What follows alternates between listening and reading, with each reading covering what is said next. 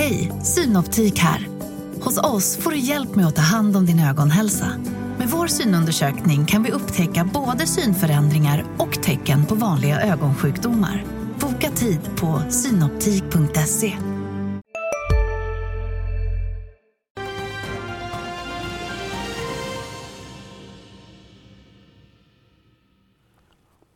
Välkomna tillbaka ni som hängt med oss sedan halv åtta med Rapportmorgon. God morgon till er som just anslutit till oss. Det här är Börsmorgon.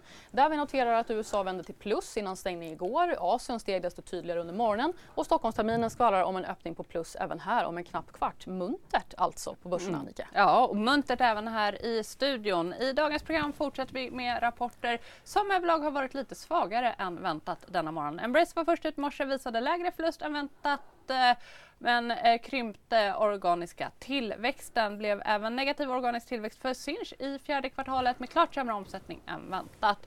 Vi har vd-intervjuer kvar här i programmet. Det är med Fortnox och eh, Eolus Vind bland annat. Med oss här i studion fortsatt Ulf Pettersson, DIs analytiker. Över länk har vi Inge Heidon, GP Bullhound och vår kollega Rickard Bråse, också analytiker på DI. Välkomna till er allihopa. Om vi ska börja med något av en summering eh, Uffe överlag lite svagare morgon. Ja det får man säga. Du sa att det var muntet men lyssnade man på Nej, Lars jag menade, Wing, jag menade bara vi. Ja okej, okay. vi, vi är muntra ja. Men eh, Lars Wingfors på, på Embrace var ju inte särskilt munter tyckte jag när vi lys, hör, lyssnade till honom här i morse och rapporten är ju svag. Eh, eh jag tycker Sinch också är svag. Eltel vänder till en förlust. Det är väl kanske de tre riktigt eh, svaga rapporterna så har vi fått en del bra också. Jag tycker det är Nordic, eh, Nordisk bergteknik, den lilla eh, uppe i Norrland där går jättestarkt. Storytel vänder till ett positivt kassaflöde, eh, i alla fall högst upp i, i, i kassaflödesräkningen. Det tror jag också marknaden kommer gilla. Mm. Men vi kan väl ta och börja då med eh, morgonens stora behållning inför dagen i alla fall. Alltså Embracer som redovisade ett lägre resultat än väntat. 2 miljarder för det tredje kvartalet i bolagets brutna räkenskapsår. 400 miljoner lägre än vad man hade väntat sig. Nettomsättning den ökade med 128 procent i årstakt till 11,6 miljarder. Det var bättre än prognos. Men den organiska försäljningstillväxten var minus 3 procent. VD Lars Wingefors var först ut med oss i morse och vi frågade honom hur han förklarade just den organiska minskningen. Det som har hänt om man jämför med början av året är ju att en, en, en mängd olika spelsläpp då har skjutits fram för att vi behöver bygga vidare på de spelen och till exempel då Dead Island 2 då, som har en stor eh, påverkan. Eh, Okej, okay, fria kassaflödet om 1,7 miljarder under tredje kvartalet. Kan du prata lite om vad är balansen mellan att utveckla spel för framtiden mot att ge ett positivt kassaflöde? Väldigt bra frågeställning. Eh, finansmarknaden har ju ändrats och, och, vi har ju vi har ju byggt en, en rejäl pipeline med 8,2 miljarder investerat i, i vår kommande portfölj av spel som ska släppas. Och för oss är det viktigt att hitta en balans eh, och eh, Fria kassaflödet var starkt det här kvartalet, eller starkare än vi hade förväntat oss. Eh, på, på 1,7 miljarder. Det var ju drivet av framförallt eh, working capital-minskning eh, inom Esmodi men också en, stark leverans från till exempel då Easybrain. Eh, men den här balansen, det är ju en ganska komplex sak. Det handlar ju också om en riskjusterad balans. Att hur mycket affärsrisk är vi beredda att ta på enskilda spelprojekt? Eh, så att, eh, och, och där har vi då är vi pågående diskussioner och har tidigare, eller nu nyligen signat till exempel då med eh, Amazon rörande Tomb Raider. Ja, och hela den här intervjun finns på di.tv precis som alla vd-intervjuer som har gjorts under morgonen. Eh, Inge, jag vänder mig till dig. Vad säger du eh, om balansen här mellan eh, kassaflöde och utvecklingen? Nu är det ju lite taskigt mot dem i och med att de har precis haft ett väldigt tufft kvartal som vi har tjatat om här under andra halvåret. Att det var ju mycket fokus på de stora titlarna under andra halvåret, eh, Call of Duty, vilket räddar omsättningen för Embracer också som, som ni såg. För att ja, deras distribution av Call of Duty i Europa var ju väldigt, väldigt stark och drev upp då entertainment-delen där starkt. Men om man tittar på kassaflödet så får man ju skilja lite grann på, eh, tycker jag, vad Lars säger i fritt kassaflöde och, eh, vad som kommer ner på bottenraden. Och det är ju 2,8 miljarder minus de här 1,8 miljarderna som han har i spelutveckling. Så egentligen är det ju 900 miljoner som, som, som vi talar om, varav nästan 700 i working capital. Så att det är ju inte mycket fritt kassaflöde som kommer ner på bottenraden. Det är det ju inte. Nej, men vad säger du då? Eh, det här med AAA-titlarna, han vill ju inte riktigt säga att man har eh, liksom skjuter dem på framtiden. Men det här att man faktiskt inte har haft ett stort spelsläpp eh, sen i slutet på sommaren som också blev en flopp, kommer inte ha något under det här kvartalet. Eh. Ja, det, det, är, det, det är ju så när man är ett lite, så här, lite mindre bolag, ska jag fortfarande säga, om man jämför dem med Take-Two och, och, och, Activision, att det blir lite mer volatilt med de stora spelsläpperna. Eh, Dead Island kom ju nu eh, efter det här kvartalet eh, och kommer påverka, men det, det ökar ju volatiliteten framför allt när marknaden är svag, för gamingmarknaden var ju svag under andra halvåret. Den var ju ner kanske en, säg 4 procent, någonting sånt, eh, men då var det ändå ett antal titlar som åt hela kakan nästan. Eh, Gods of Ragnarök, Call of Duty, eh, Pokémon. Och då blir det inte så mycket över till de svagare titlarna om man kan uttrycka sig så, som, som Embracer hade. Apropå volatilt så tycker jag att vi tar vidare med en annan av eh, storbolagens rapporter så här under morgonen. Det är Sinch. Det fjärde kvartalet var sämre än väntat. Omsättningen blev 7,4 miljarder. Det är alltså mot väntade 8,1. Organiska tillväxten blev minus 2% Bruttoresultatet 2,4 miljarder. Väntat var 2,6. Sett i årstakt är det dock väldigt tydliga förbättringar med omsättnings och resultatökning som nästan är dubblerad och så kraftigt ökat kassaflöde också. Medgrundare tillförordnad VD Johan Hedberg, han var med oss i morse. Han gav sin syn på det gångna kvartalet.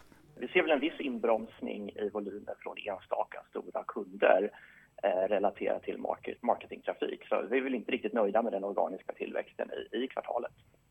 För efter förra rapporttillfället så sa du just att du var inte nöjd med tillväxttakten. Nu blev den alltså organiskt minus 2% och sen kommentar nu då i den här rapporten att ni förväntar er inte en omedelbar bättring i tillväxttakten. Varför inte och hur länge pratar vi? Ja, det, är ju svårt att säga. Det har väl eh, lite att göra med, med, med makro vi ser i världen.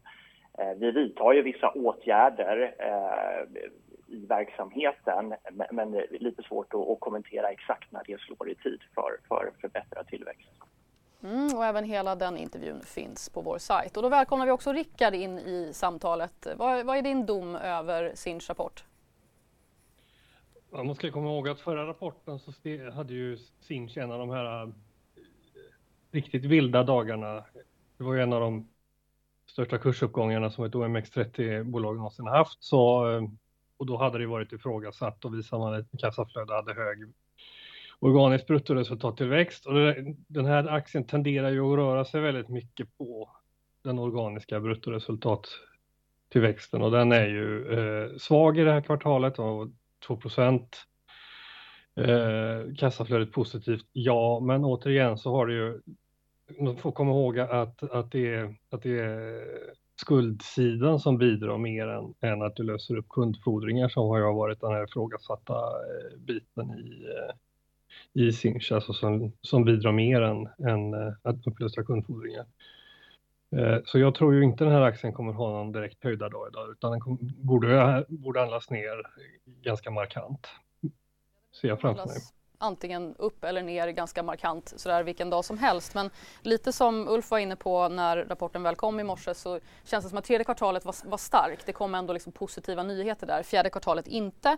Kan man ändå säga att det värsta är över? Eller finns det fler av de här prisomsättningarna till exempel som ska pressa marginaler och priser? Alltså det värsta eh, så tillvida att, att existensen för Sinch var ifrågasatt i somras. Ja, det tror jag är, är förbi. Eh, då hade du ju en situation där den organiska bruttoresultatet eh, var, var ner organiskt. Du hade inget kassaflöde, alltså kassaflödet var negativt och så hade du den här ganska stora skulden och den här ganska stora skulden är kvar men när du höjer ebitda över tid så kommer ju den se mindre ut i alla fall. Eh, så, så sett är, är, är, är undergången är undergångstonerna, de, de har vi liksom lagt bakom oss tror jag. Men, men aktien har ju också gått extremt bra. Eh, sen den här eh, omvända vinstvarningen man kommer och, och, tre, och så den här uppföljningen med en stark eh, rapport på det. Så eh, det, det eh, de, de, den här rallyperioden i Sinch borde vara, borde, borde vara över och det har gått lite för långt tror jag. Så uh, ner ordentligt idag. Undergångstonerna är borta men inget är det värsta över? Jag tror ju att de här kommer ha, både Embracer och Sinch kommer ha rätt tufft här under första halvåret. För att man får inte glömma också att båda har ju gynnats enormt av valuta. Man rapporterar i kronor, mestadels försäljningen är i euro och dollar. Eh, den organiska tillväxten kan man ju undra lite grann om den är i kronor eller i konstant eh, currency. Eh, och och är den i konstant currency så skulle jag misstänka att den är betydligt lägre. Plus att de får ju betydligt hjälp på resultatnivå också av valutorna. Så att i och med att ekonomin är tuff så tror jag att det, det kommer nog vara fortsatt tufft för de här två bolagen eh, de närmaste sex månaderna. Nu kommer Dead Island kanske hjälpa Embracer i, i så att säga, det andra kvartalet, junikvartalet, men generellt så kommer det nog vara tufft. Mm, Ulf, eh, tufft för såväl Embracer som Sinch. Kanske Sinch du kan ta vid här när du hört på Rickard och Inge. Ja men det blir det ju. Alltså den här den har ändå gått 200 procent från botten i oktober. Eh, börsvärdet inklusive nettoskulder på 9 miljarder är 47 miljarder kronor. Räknar man ihop kassaflödet och, och så att säga inte lägger varaktigt värde på de här rörelsekapitalförbättringarna gjort så, så är det liksom inte någon, någon så är det, har det blivit ganska högt värderat igen. Inte alls som det var liksom under the heydays men, men eh, jag tror att, att den, här, den här luften kommer gå ur lite Sinch-aktien för ett tag. Det är inte säkert att den kommer röra sig lika mycket heller. Vi kommer ner kanske 10% nu och sen så 5-10% till och så tror jag den kan bli liksom lite tröttare aktie än vad den har varit sedan den noterades egentligen. Men undergångstonerna har stannat? Ja det. Alltså det är ju, de har ju ändå, det, det är ju ändå en positiv tillväxt på bruttoresultat. Eh, sen är det intressant att fråga om det är, eh, jag utgår ifrån att det är exklusiv valuta här utan det är liksom eh, volym eller vad man ska säga. Men och, och är det inte det så är det ju då en negativ tillväxt i, i volym och det är inte bra. Men vi får utgå ifrån att det är positivt och då är det ju det är bra liksom. Då är det en växande marknad man är på. Jämfört med Tweedly så går de väl också ändå okej. Okay. Mm. Vi måste också hinna eh, nämna förvärvskonglomeratet Storskogen eh, innan börsöppning. Vi kanske får analysera dem lite mer efter klockan nio. Men om vi bara tittar på eh, rapporten. Högre resultat än väntat, man minskar skuldsättningen men samtidigt är det en stor skuld Uffe. det är en stor skuld, den är 12,2 miljarder men den var 12,6 miljarder eh, för ett kvartal sedan så den går ju åt rätt, rätt håll då. Eh, och eh, eh fick vi någon ordning på eh, hur den organiska tillväxten var fjärde kvartalet? Det stod ju inte explicit. 12 procent. 12 procent, ja. Det är ju, alltså? Det, ja, det är, just, mm. det, är just, det är ju bra så att säga. Så det känns också som att de här undergångstonerna är lite, inte låter så mycket eh, längre men där är ju skuldsättningen fortfarande ganska stor då med 12 miljarder på eh, i förhållande till sitt kassaflöde. Mm. Får se hur aktien går när klockan slår nio. Vi eh, ska eh, ut till Anna eh, Stjernqvist i Marknadsstudion alldeles strax. Så Uffe, vad säger du? Hur går Storskogen idag? Eh, den, den, kan faktiskt eh, kanske stiga någon procent. Det intressanta är att se eh, Sinch och Embracer som kan tappa tvåsiffrigt här. Mm, då går vi ut till Anna Stjernqvist i Marknadsstudion som tar oss igenom eh, starten på den här handelsdagen.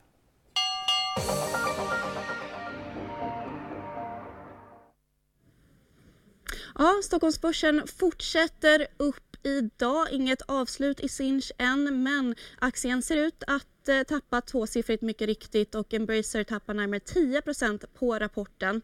Utöver det hittar vi Nibe och SED i botten på storbolagslistan. Boliden och SBB går som starkast, lyftet 1% vardera. Fortnox handlas tillbaks eh, 1,5 efter att ha redovisat en förbättrad lönsamhet och en organisk tillväxt på 30% i kvartalet. Nyfosa stärks 5,5 på rapporten som visade på bättre intäkter än väntat. Shell handlas ner 10% på sin rapport. De redovisar ett vinsttapp med en svag försäljning i det fjärde kvartalet. Storskogen ser ut att studsa upp 16% på rapporten. Rörelseresultatet på närmare 790 miljoner kronor var 20% bättre än estimaten men aktien har ju rasat rejält under 2022. Eros Vind studsar upp eh, 2% och eh, Bolaget vände till en vinst på 27 miljoner kronor i kvartalet.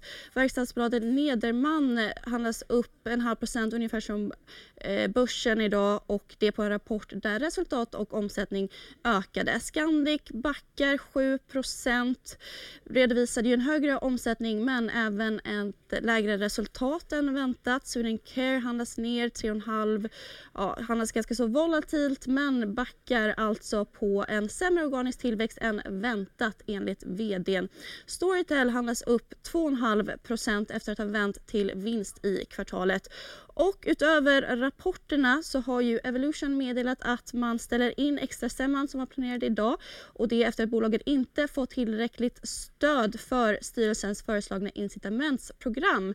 Vi har också fått reda på att Fingerprint sagt att man ställer in den extrastämma som var planerad till den 24 februari och det efter kritik mot sitt incitamentsprogram.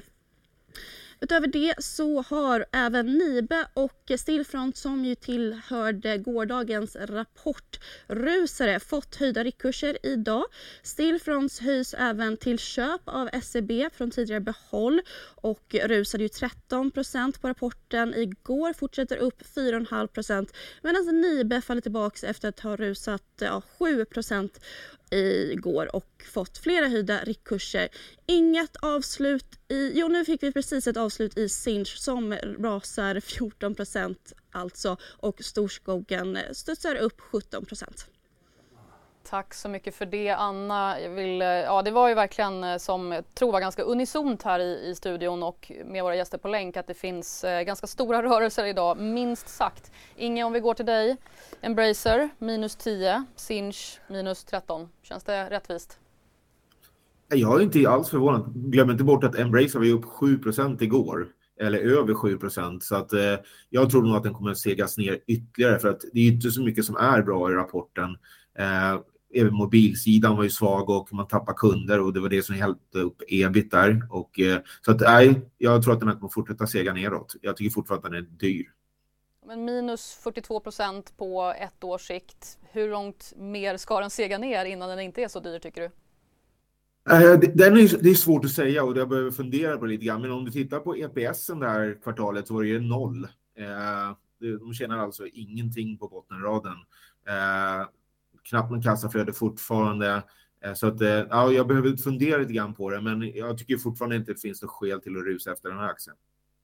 Du får fundera hur mycket du vill Inga. Jag säger tack för att du var med idag som att vi vet att du måste rusa vidare och vi vill också rusa vidare till Rickard när det kommer till just Storskogen som ja, det dämpar sig lite men det är ändå upp 12, 13, 14 procent för dem nu efter den här rapporten. Vad säger du om rapporten? Vad säger du om Daniel Kaplans uttalande? Vad säger du om aktiereaktionen?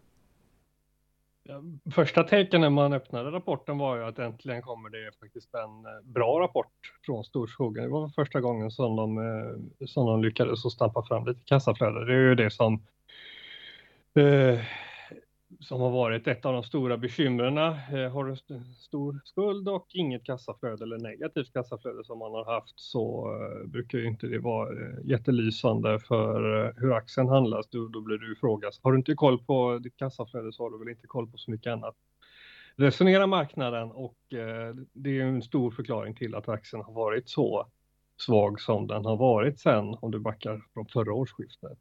Så det här var ju ett steg i rätt riktning eh, och det är ju inte alls förvånande att aktien rör sig. Det blir ju i sin tur en funktion av den här skulden också. att Om du har, om du har halva eh, rörelsevärdet som börsvärde, då blir ju hävstången ganska tydlig om rörelsevärdet ökar så ökar börsvärdet mer då. Va? Så, eh, ja, ganska eh, rimlig reaktion på, eh, på eh, alltså isolerat på den här rapporten. Sen så är ju den stora frågan fortfarande då som har varit sedan dag ett i Storskogen. Hur klarar det här bygget av en rejäl eh, lågkonjunktur eller recession? Va? Och det är väl det som vi kommer få svar på kommande 12 månader, antar jag. Mm. Men eh, Rickard, vad tänker du om det som Daniel eh, Kaplan säger att eh, eh, han ser fortfarande liksom med tillförsikt på, på helåret eh, och ser att man ska fortsätta vara långsiktig ägare. Även om man har dragit ner på förvärvstakten så bibehåller han ju exakt samma syn egentligen på eh, liksom hela strategin. Samtidigt så är det här en strategi som har varit väldigt dyr och fortsätter vara dyr. Alltså strategin har ju ändrats eh, av det enkla skälet att eh, pengarna tog slut eh, om man eh, uttrycker sig på det sättet. Eh, strategin verkar vara, var att köpa allt som rör sig och nu har man ju fått lugna sig och du har ju sett kommentarer från eh, ratinginstitut och sådär som kanske inte har varit alldeles lysande. Så det är ett bo bolag där fokus är på balansräkning, kassaflöde. Eh, sen får han, han får säga vad, vad han vill om, om, tiden framöver, men marknaden är liksom tveklöst vad marknadens fokus har legat och där kom det ju ett steg i rätt riktning. De har ju, om du tittar på helåret, så har de ett fritt kassaflöde på 490 miljoner före förvärv och det är ju då tack vare det här avslutande kvartalet där det var över 900. Eh, så, så helt klart positivt att det äntligen lossnade lite för, för dem på den punkten. Och eh, med det så lämnar vi storskogen för nu. Emelie, nu ska det bli eh, lite digitalare. Mm, eh, det får man väl lov att säga. Fler rapportintervjuer lovade vi ju. Nu ska vi till Fortnox alltså. Och fjärde kvartalet visar på en högre lönsamhet med en organisk tillväxt som uppsteg till 30 procent. Så eh, starkt avslut på året får man väl lov att säga. VD Tommy Eklund ansluter till oss. God morgon Tommy. Vad tycker du om slutet på året? Det, det känns bra. Vi gör ju stabilt, levererar enligt våran plan, så även om det blåser lite i makro perspektivet så, så känner vi att vi gör som vi har tänkt och, och så stabilt och tryggt får jag säga. Om jag tittar sekventiellt så var er organiska tillväxt 35 procent med en ebitda-marginal på 44 procent. Genomsnittlig intäkt per kund 223 kronor. Eh, nu har jag inte uppdaterat om just Q4 men organiska tillväxten 30 procent låter så mycket i de här dagarna. Ni hade ändå 35 i tredje kvartalet.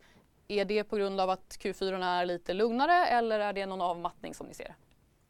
Man, ska, man kan egentligen inte jämföra för vi har lite säsongseffekter så man ska jämföra Q4 med Q4 och förra Q4 hade vi 23 procent organisk tillväxt. Så vi trendar betydligt bättre på den organiska tillväxten också. Då. Och det har ju att göra med att våra kunder egentligen är mer och mer aktiva också ska jag säga. Så vi ser att man använder mer och köper mer och, och så både aktiviteten avseende skicka fakturer, lönespesar och så vidare ökar och vi har en hel del intäkter kopplat till aktivitet också. Och sett då till eh, rörelsemarginal, den uppgick till 35,3 procent, justerat för förvärv 40,9 istället. Är det något du är nöjd med? Jag tänker att går det att få högre marginaler? Drygt 40 är ju liksom inte, inte en lågmarginalbransch direkt. Nej, vi har ju en, en, eh, en en marginal som skalar med tillväxt kan man säga. Vi gör ju mjukvara som vi investerar väldigt mycket i. Det är dyrt att, att göra, men, men det kostar nästan ingenting att leverera. Så, så med god tillväxt, både utifrån antalet kunder och, och användare på det sätt vi har nu, så kommer en ökad marginal.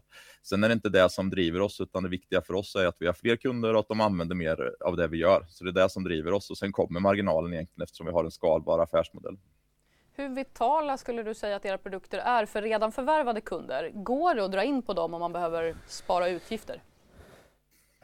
Alltså som ni såg nu så rapporterar vi eh, drygt 230 kronor då i månaden är vad i medel våra kunder betalar. Så det är vad ett företag betalar till oss. Så det är klart, om du driver ett företag och ska spara på ditt affärssystem och du betalar 230 kronor i månaden så finns det inte så mycket att spara där egentligen. Så att säga att det vi bidrar med är ju, eh, är ju rätt långt ifrån vårt prisnivå och det finns inte så mycket att spara egentligen. Så jag tror inte det är där man först börjar spara egentligen.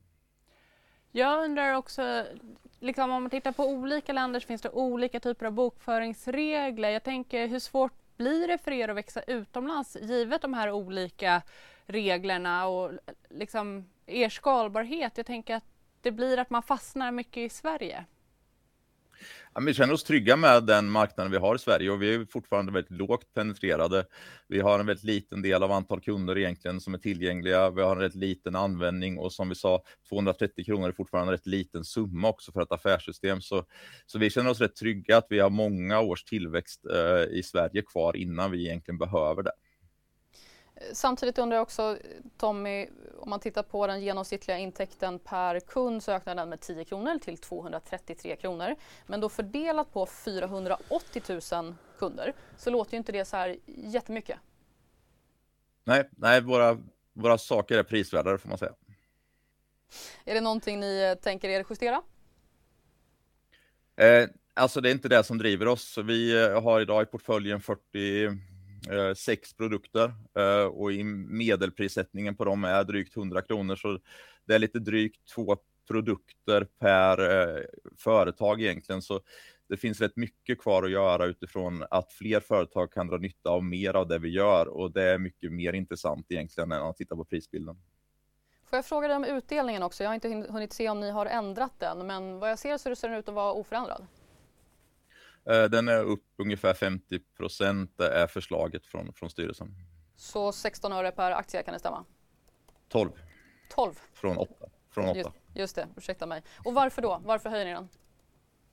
Det får du nog ta med styrelsen tror jag. ja. Hörru, om jag tittar på analyser av er så ser jag inga direkt tecken på oro när det kommer till er verksamhet. Det är egentligen bara värderingen på själva aktien, men det är för någon annan att svara på. Så vad är era utmaningar? Vad sliter ni med? Nej, men det vi gör mycket saker samtidigt. Vi, vi la till 14 000 eh, nya kunder nu i, i kvartalet och vi släpper ett helt ett antal nya produkter och så det är egentligen att vi gör väldigt, väldigt mycket saker samtidigt. Vi, vi utvecklar bredden i vår portfölj, vi får nya kunder, vi anställer en massa människor. Så, så det är klart att vi gör en massa saker samtidigt. Det är ju utmanande, men jag tycker vi gör det på ett väldigt bra sätt. Säga tack Tommy Eklund, VD för Fortnox, för att du var med oss i Börsmorgon. Eh, ja, verkar lugnt och stabilt på Fortnox, Wolf. Ja, en fantastisk affärsidé, eh, skalbar, eh, har lite pengar för mycket nytta. Man liksom, det ska ganska mycket till som småföretag att man ska byta ett, ett sånt här affärssystem eller redovisningssystem. Eh, så man sitter ganska bra, man kan höja priserna eh, lite grann, eh, mer än inflationen utan att kunderna blir liksom upprivna för det då. Så det är en fantastisk affärsidé. Nu är den ner lite grann idag men det kan man 3-4 procent, men det kan man göra den noterade all time high så sent som igår. Så det är klart att värderingen är ju därefter också. Det är alltså P 80 på, på, på nästa års eller på årets vinst då, 2023 års vinst. Eh, För det är ju precis bara det jag sett i analyserna att liksom, analytikerkåren tycker om bolaget jättemycket ja, ja, och tror på ju, dem, men den är dyr. Ja, ja men det, det, det, är ett fantastiskt bolag, liksom, precis det marknaden vill ha liksom, med, med kassaflöde och tillväxt och inte liksom massvis av Eh, stora investeringar och en bred kundbas som man inte bor under det heller. Men det är värderingen 80 gånger vinsten som är ett bekymmer. Eh, Hej, Ulf Kristersson här. På många sätt är det en mörk tid vi lever i. Men nu tar vi ett stort steg för att göra Sverige till en tryggare och säkrare plats. Sverige är nu medlem i Nato. En för alla, alla för en. Vi är specialister på det vi gör precis som du. Därför försäkrar vi på Swedea bara småföretag, som ditt. För oss är små företag alltid större än stora och vår företagsförsäkring anpassar sig helt efter firmans förutsättningar. Gå in på swedea.se företag och jämför själv. Kan man tycka, men eh, så att säga, levererar man då en 30-40% så är man ganska snabbt nere på 20, P 2030 då. Det är väl det som marknaden hoppas på. Mm, får växa in i den där värderingen. Ja. Tänk att vi ska pausa rapporterna eh, lite. Vi noterar också Balder som faller runt 6% Bolaget har offentliggjort ett erbjudande om eh, konvertibla skuldbrev som förfaller till 2028 eh, till ett belopp om ungefär 500 miljoner euro. Eh, det här kan under vissa villkor konverteras till nya B-aktier i Balder. Det här ska förbättra kreditvärdigheten menar bolaget. Eh, Rickard, vad menar du? Oh, jag hade inte ens sett den här, så jag vet inte vad jag menar. Men Nej, då, Ska, vi, ska jag vända mig till Uffe då? Så Gör hinner det. du titta på den. Uffe, vad säger du? Ja, men det är intressant. Det är ju en, det är en, en konvertibel de ger ut. Det behöver inte bli en ny emission i form av att det blir fler aktier, men det kan bli det. Nu har jag inte sett eh, villkoren här riktigt, men, men man ser ju på marknadsreaktionen här att, att marknaden tolkar det som en nyemission för aktien är ner, den var ner 8 som mest och 6 sex tidigare. Det framgår som, framstår som ganska mycket nedgång så att säga, men jag har inte sett, sett villkoren som sagt var. Men ja, det är ju det, är lite blandat. Vi fick eh, eh, Nyfosa idag som ökade sin utdelning och så har vi fått nyemission från Castellum och det här är väl från Balder i alla fall en, en halv nyemission kanske man kan säga. Mm. Ska vi eh, passa på och eh, bara titta lite mer på rapporter som vi inte har hunnit prata om här i morgonen som Eh, eh, som får betydligt bättre mottagande på börsen där. Då tänker jag kanske på Nordisk bergteknik framför allt. Ja, och Drillcon som eh, hjälper Boliden med, att, med sina gruvor där och Bergteknik är också inne i har, samma, samma kundsegment som går, så går jättebra nu. Bägge aktierna är upp tvåsiffrigt här om inte Bergteknik har tappat lite. Det, den var upp tvåsiffrigt, ja den är upp Ja, eh, den är 8 8 procent. Sta, stark, jättestark vinstökning eh, eh, eh, för bägge bolagen där. Så det är roligt att se. Och bland de som vi inte har pratat om på den negativa sidan då i, i den här börslistan är ju då Eltel som faktiskt var ner över 20 procent Mm. ett tag. Nu är det 18 då där man vänder från en från en eh, vinst på eh, 7 miljoner euro eh, Q4 21 till en förlust eh, på 4 miljoner eh, euro. Det är lite märkligt. Man har ju problem. Sverigemarknaden går väl bra men övriga delar verkar gå dåligt här. Man tänker på eh, Hexatronic som liksom växer som tåget med sina fibrer, fibrer Mm. men de som gräver ner dem gör åtminstone inte el till, gör inte alls samma vinster där. Så det är ett rejält fall för dem. Annars så är det som sagt var en dag med ovanligt stora rörelser. Så det har varit stora rörelser på rapporterna men de är nästan extra stora idag. Det är liksom tvåsiffrigt både på de som Nej, stiger men, och sjunker. och, och man är van vid att det kanske inte är ett avslut på en aktie men nu på bara min bevakningslista var det minst tre eh, bolag som inte fick något avslut i början. Jag tänker att vi ska titta på eh, ett bolag nu som har en lite positiv kursrörelse. Idag det är vindkraftsbolaget Eolus Vind som har vänt till vinst, redovisar en rörelsevinst på 27 miljoner kronor under fjärde kvartalet. Det kan jämföras med förlusten på minus 4 miljoner kronor under samma period året innan. Omsättningen den sjönk till 366 miljoner eh, från ungefär en miljard under fjärde kvartalet året innan. Eh, med den bakgrunden säger jag välkommen till sändning Per Vitalisson. Resultatavräkning för ökad färdigställandegrad i projektet Öjfjället i Norge. Eh, vi ser Storsjön i Sverige och det här sol i USA i oktober. Kan du berätta lite om resultatet och vad ni har i pipen framöver? Ja, vi avslutar året med ett eh, resultat efter, efter skatt här på 41 eh, miljoner. Att omsättningen sjunker jämfört med eh, föregående år, det har mycket att göra med strukturen på affärer där vi har allt mindre projekt där varukostnader och den bruttoomsättningen går genom vår resultaträkning. Så resultatet är absolut viktigast. Det viktigaste eh, under kvartalet var vår eh, affär av försäljning av ett jättestort sol och eh, batterilagerprojekt i eh, USA på 750 megawatt. Det är vår tredje eh, försäljning i USA där vi varit på marknaden sedan 2015. Där har vi fått vår första delbetalning på 12 miljoner dollar under eh, kvartalet och vi förväntar oss intäkter eh, under åren eh, 2022 då till eh, 2025 på i storleksordningen 100 till eh, 190 eh, miljoner dollar eh, eh, ungefär. Och hur- Med marginal. Och hur ser du då på marknaden och försäljningar framöver? Det finns stort intresse på alla marknaderna för våra projekt. Omställningsbehovet är enormt och det som är gemensamt är egentligen att det är en brist på projekt på alla marknader i förhållande till ehm, kapital som är beredda att och villiga att investera i sektorn och hjälpa till med den här nödvändiga omställningen.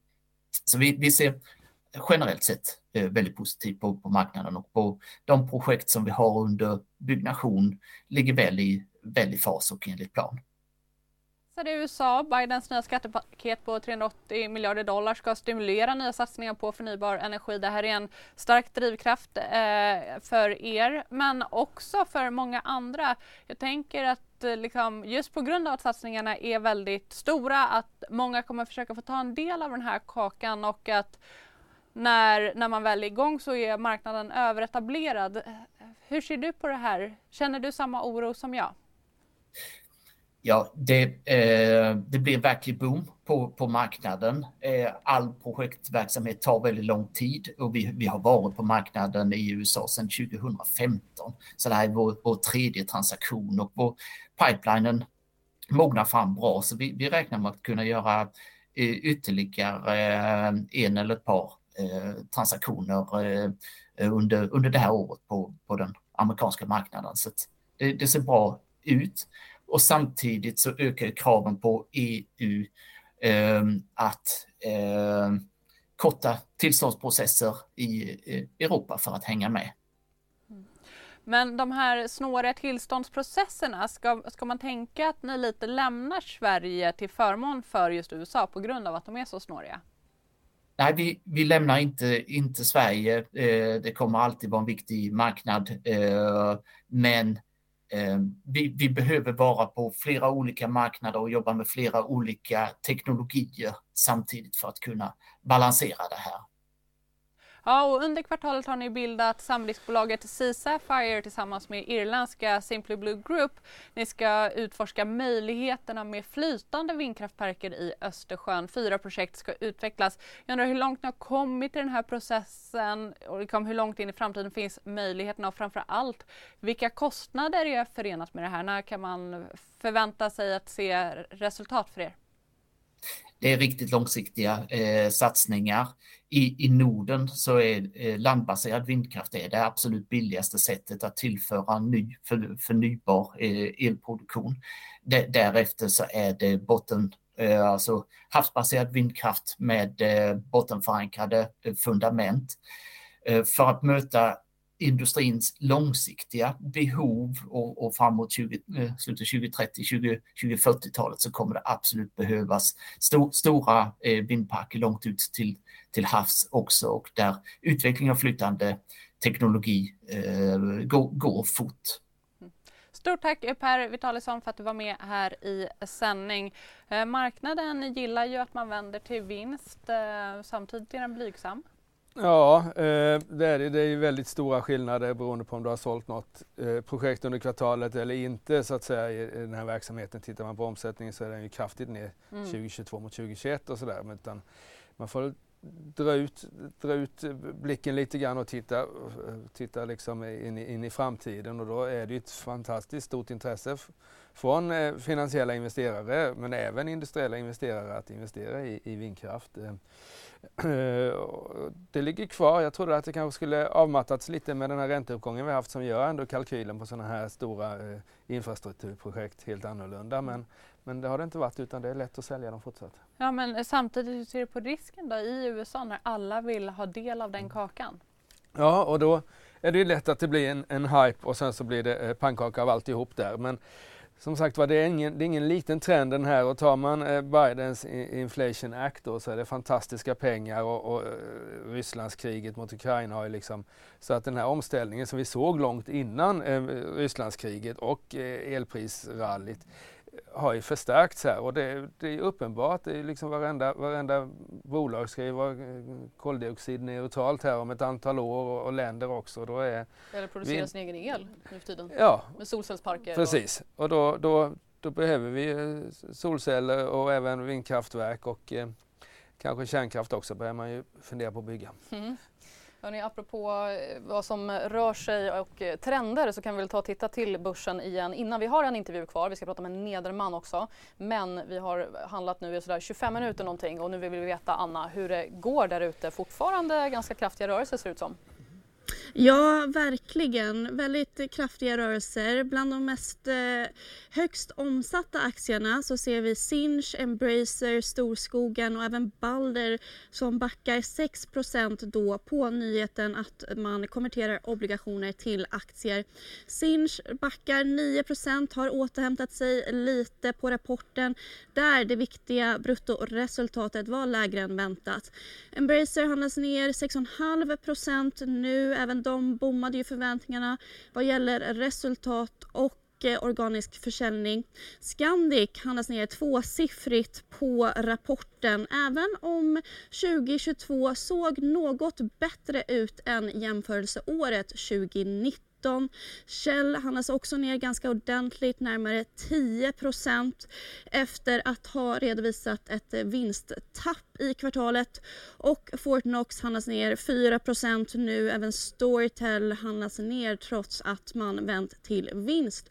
Och bland vinnarna ser vi Storskogen handlas under hög omsättning som sagt, rusar 13,5% på rapporten där man lyckats jobba ner sina skulder. Även Instalco tillhör vinnarna och handlas upp 8,5.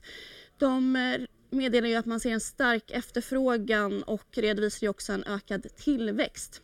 Övriga vinnare, Nyfosa Eolus Vind, även Biotage som ju rusade igår tvåsiffrigt fortsätter upp 3% De rapporterade ju igår ganska så svag rapport men meddelade också att man gör ett Eh, förvärv på 2 miljarder kronor och ser även Stillfront fortsätta upp efter att ha rusat 13% igår, fortsätter upp 5,5% Men eh, överlag fortsatt uppåt då på Stockholmsbörsen. Svagt men desto starkare reaktioner på rapporterna. Ja, verkligen Anna och eh, Rickard, jag vänder mig direkt till dig. Vi ser ju tvåsiffriga både uppgångar och nedgångar. Är det någonting som du tar fasta på här?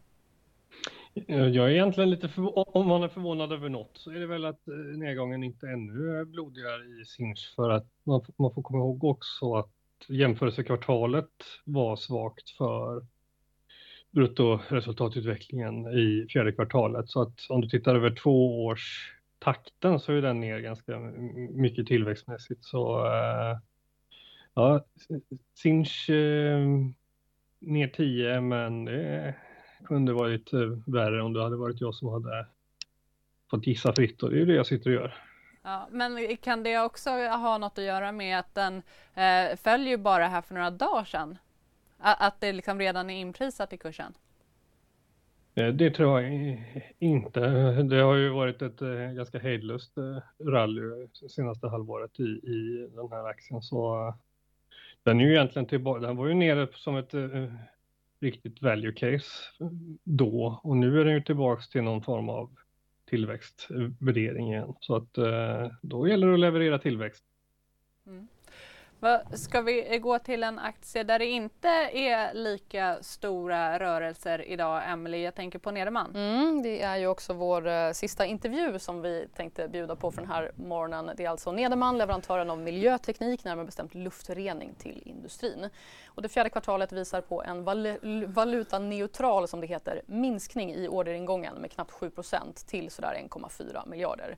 Justerat rörelseresultat ökade till 161 miljoner med en marginal på 10,6. Det är en minskning sett i årstakt. Och jag säger välkommen till VD Sven Kristensson. Sven, hur summerar du slutet på året? Eh, hur jag ska kommentera slut på året? Ja, det har ju varit eh, en spännande period hela året med eh, Eh, mycket händelserikt. Eh, generellt sett så har vi varit väldigt nöjda och det du tog fram att en viss eh, minskning i fjärde kvartalet är ju att vi ska ändå komma ihåg att tre av fyra divisioner ökar orderingången, ökar försäljningen utan det är vår Process Technology som hade en extremt eh, hög, eh, det slumpade sig alltså så att fjärde kvartalet 2021 inom textilsidan och fibersidan så hade de oerhört hög orderingång. Och det är det som så att säga nu att de inte riktigt har lyckats eh, återupprepa det men har en mycket stabil orderingång även i år, eller i fjol 22 då. Asterix svåra jämförelsetal sammanfattar jag det som. Men jag vill fråga om marginalen också. Som jag sa, de minskar både från år till år och sekventiellt. Är det kostnadsinflationen? Ja. Är det minskad efterfrågan? Vad är det som spökar där? Ja, det är ju ett par saker. En del vi har haft, en del som vi också nämner, problem i Kina med nedskrivningar med eh, kundfordringar. Vi ser ju att den kinesiska den kinesiska marknaden för oss inte är helt lysande och de har svårigheter med betalningarna i den här. Sen är det ju så också att vi har inom vissa områden, det är samma MCT som har haft speciellt svårt att få fram komponenter. Vi kan inte byta fritt komponenter eftersom det här är eh,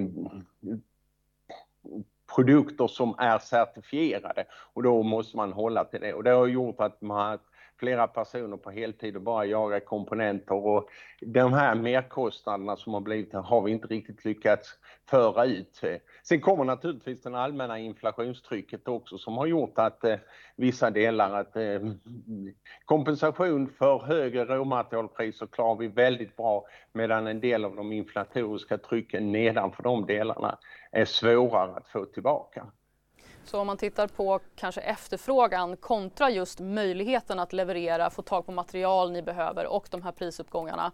Då låter det som att den ena vågskålen har så pass mycket liksom bekymmer för eller saker ni måste komma, komma över som hinder. Men efterfrågan verkar fortfarande finnas kvar.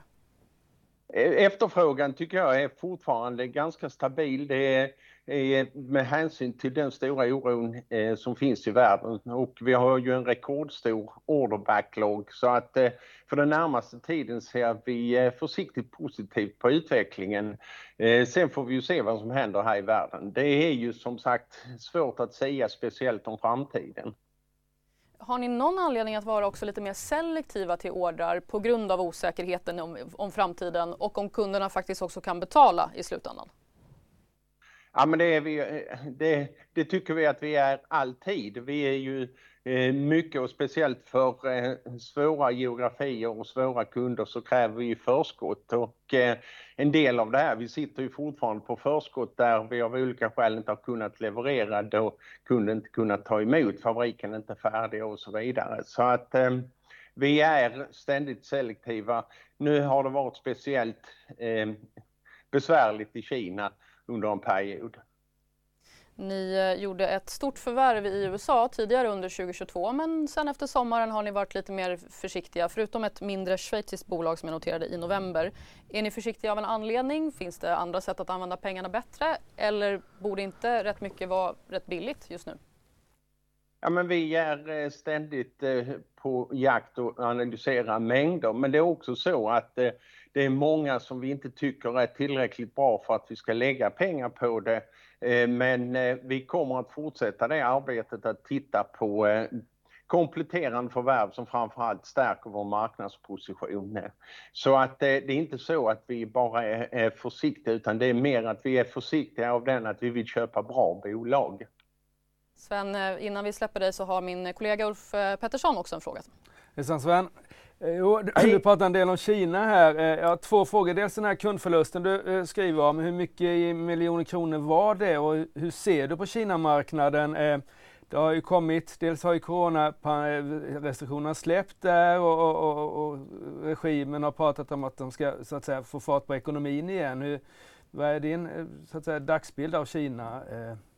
Sven? Vår dagsbild av Kina är fortfarande besvärligt. Vi ser också en, en eh, mycket kraftig skärpning av det här eh, by Chinese, eh, eller hur vi ska översätta deras, där statliga myndigheter, och det har vi ju drabbats av, speciellt inom mättekniksektorn där vi har högkvalitativa produkter i utsläppsmätning som mycket är myndigheter och statliga bolag och där det har blivit eh, mycket besvärligt. De köper numera, de kom tillbaka lite här i januari med vissa för de kan inte hantera det lokalt. Men eh, är man i närheten lokalt och där tror jag inte vi ser någon snabb vändning. Eh, däremot tror jag att en del av ekonomin kommer att släppas igång efter nu ett par års eh, fullständig nedstängning. Men eh, vår bedömning är att Kinas ekonomi inte är särskilt hälsosam, i alla fall inte inom vår sektor.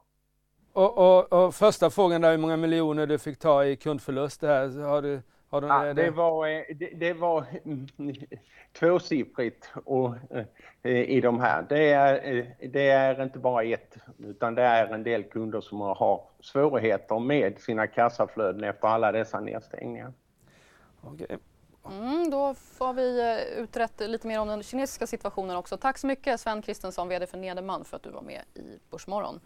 Ja, vad säger du om rapporten annars, uh, Ulf? Inte bara när det kommer till just kinesiska situationen. Nej, men de har ju, en, som, som Sven var inne på, en, en stark uh, orderbok. Uh, det är en resultatökning, men rörelsemarginalminskning här. Och det är klart att det man vill veta är om det finns så att säga, fler kundförluster i Kina som kommer kommande kvartalen eller om det här var lite eh, så att säga, unikt. Eh, men gör ju det bra, ligger så att säga ESG-mässigt rätt om man tar bort eh, farliga grejer i fabriker och sådär. Har blivit ganska dyr i och för sig så jag förstår att den kanske backar, någon, backar lite grann idag. Vi ska se hur den går. Ja, den är flat. Ja, flat, okay. Men mm. de höjer ju också utdelningen så det finns ju en viss direktavkastning. Ja, ja det gör de. Fast eh, de höjde faktiskt vinsten mer 2022 så, så, så utdelningsandelen går ner lite men det är inte så farligt. Nej men det är ett, ett, ett, ett fint, fint svenskt eh, eh, verkstadsbolag som har gjort det bra under många års tid. Mm.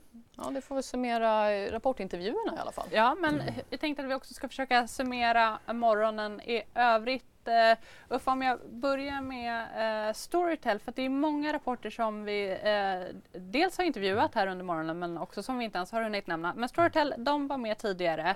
De vände till vinst.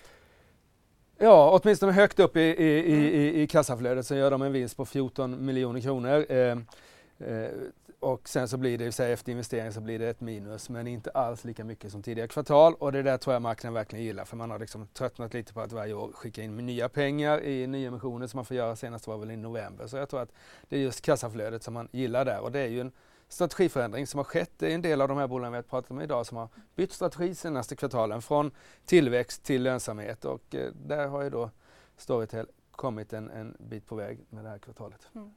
Och eh, Rickard, hur vill du summera morgonen? Vad tycker du har stuckit ut? Det som har stuckit ut är väl att saker har stuckit ut. Tydliga rapportreaktioner. Det är 10% minus eller 10% upp så att det är skoningslöst och eh, dramat rullar vidare. Det gillar vi, det är, det är bra TV. Men i övrigt Rickard, känner du att du har fått svar eller liksom att det har lugnat ner sig lite efter den här rapportsäsongen eller är det fortfarande så där mycket osäkerhet som vi har pratat om i många kvartal nu? Den stora osäkerheten är väl egentligen vad temat kommer att vara framöver. Alltså det var ju väldigt tydligt vad temat var. Du hade för, alltså två år sedan, då var det pricing power som var temat som gällde regerade i alla bolagen kunde höja priserna. Sen så hade du att alla blir räntan den här viktiga drivfaktorn och straffade bolag som har låg avkastning på sysselsatt kapital, till exempel bolag som är mycket, har för, har för stora skulder. Men nu är, ju, är väl alla överens om att det, att, att det ska komma någon form av lågkonjunktur under 2023 och det är väl det som gör att jag som patologiskt motvalls börjar fundera, kan det verkligen bli så att alla för en gångs skull ska få ska få rätt eller vad är det som kommer att hända? Eh, om du får det här lågkonjunkturscenariot så, så tror jag att eh, framtidsplaner och, och, utsikter som har levererats i, i vd-ord under den här rapportperioden och ganska snabbt kan komma att hamna i, eh, i papperskorgen. För det, det, det, är ingenting som... Det är väldigt lätt under, underskatta både finansiell hävstång men även operationell hävstång. Allting kommer se dåligt ut med negativ tillväxt. Menar du att du inte tror att det blir en lågkonjunktur? Jag menar att jag inte vet vad jag tror och det är det som är, det är väldigt, väldigt jobbigt. Men också privilegierat att vi kan sitta här och orera utan att vi har någon aning om eh, vad som kan hända i framtiden. Och vi kan väl fortsätta på det spåret. Ja, nej, men för det som jag tycker är spännande just på det spåret är ju Scandic eh, som också har kommit med rapport här som ändå ser att liksom, bokningarna fortsätter trilla in, inte på samma sätt som före pandemin eh, men eh, att det ändå liksom är tillbaka på lite mer normaliserade nivåer vilket jag tycker känns konstigt då om vi Ja, vi är ju faktiskt i en lågkonjunktur om man ska se den rent eh, liksom, tekniska definitionen. Ja, eh, tar man Scandic Hotels då så är ju alltså du och jag som kundgrupp är ju liksom på tillbaks före pandemin. Det som är inte riktigt är där då som, eh, det är ju den, ska vi säga, hotellgäster som flyger över, över haven, mm. världshaven lite grann. De har liksom inte riktigt kommit igång som de ska då. Men eh, det är märkligt faktiskt för jag tycker att, att eh, går man bara till sig själv så är man inte lika sugen att nu i sportlovstider liksom fara iväg och betala dyra hotellpriser. Så det är lite märkligt. Och nu Nej, och också om bolagen ska börja liksom se lite mer mm. till sina kostnader så tänker jag att de inte kommer komma tillbaka och börja flyga över haven heller. Nej, det har ju varit en, en jättefin uppgång sen pandeminedgången här så, så, så, så, så gjorde bolagen jättestora vinster för att de inte var ute och reste mm. och inte träffade kunden utan man skötte det via Teams och sånt där. Men sen så har man ju börjat resa en hel del. Eh, man måste ju, har man väl upplevt att man måste träffas fysiskt också liksom även, även i en digital värld. Men, men det är klart det är en kostnad och blir det lite sämre för bolagen, man ser ju ändå en del besparingsprogram som kommer man väl ta lite på resebudgeten också. Tar vi Scandic Hotel specifikt idag så är det faktiskt ner 12 procent här och det är ju att marknaden hade ju väldigt optimistiska förväntningar om det här resultatet. De, vinsten är upp 10 under Q4 men marknaden är ju 25-30 eh, upp och det kanske det var överdrivet tycker jag. Så aktien har då sin sämsta dag förutom några sådana här pandemidagar där i mars 2000 så är det faktiskt en av de sämsta dagarna sedan, noteringen egentligen. Mm. Och det ser vi, det har vi pratat om eh, under hela morgonen här, att det är väldigt stora rapportreaktioner mm. idag på en positiv börs där Scandic är en av de aktier som faller mest tillsammans med Sinchbet och Embracer har lugnat ner sig ganska rejält, ner en 4 Bättre går det för Storskogen som stiger, inte lika kraftigt som eh, vid öppning men stiger ändå. Eh, det börjar faktiskt bli dags för oss att runda av här så jag säger stort tack till dig Uffe som har varit på plats här. Eh, stort tack också till dig Rickard Bråse som är med oss på länk. Och Emelie, stort tack till dig. Det har varit väldigt trevligt denna morgon tycker jag. Ja, tycker jag verkligen vad fort tiden gick. Tack också Nike. Vi sätter punkt här alltså för morgonens program. Men glöm inte att alla vd-intervjuer finns att se sin helhet på vår sajt. Jag tror att det är tio stycken eller något sånt som vi har lyckats hinna med under morgonen. Ni har Börskoll klockan två, nyheter klockan fyra och Börsmorgon imorgon igen kvart i nio. Ha nu en lyckosam handelsdag.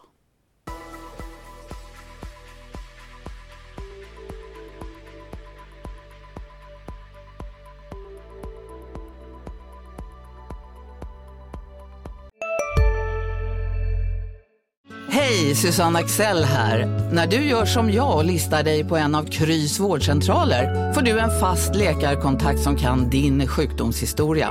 Du får träffa erfarna specialister, tillgång till lättakuten och så kan du chatta med vårdpersonalen. Så gör ditt viktigaste val idag, lista dig hos Kry. Ska några små tassar flytta in hos dig? Hos Trygg Hansa får din valp eller kattunge 25% rabatt på försäkringen första året. Läs mer och teckna djurförsäkringen på trygghansa.se. Trygg Hansa, trygghet för livet.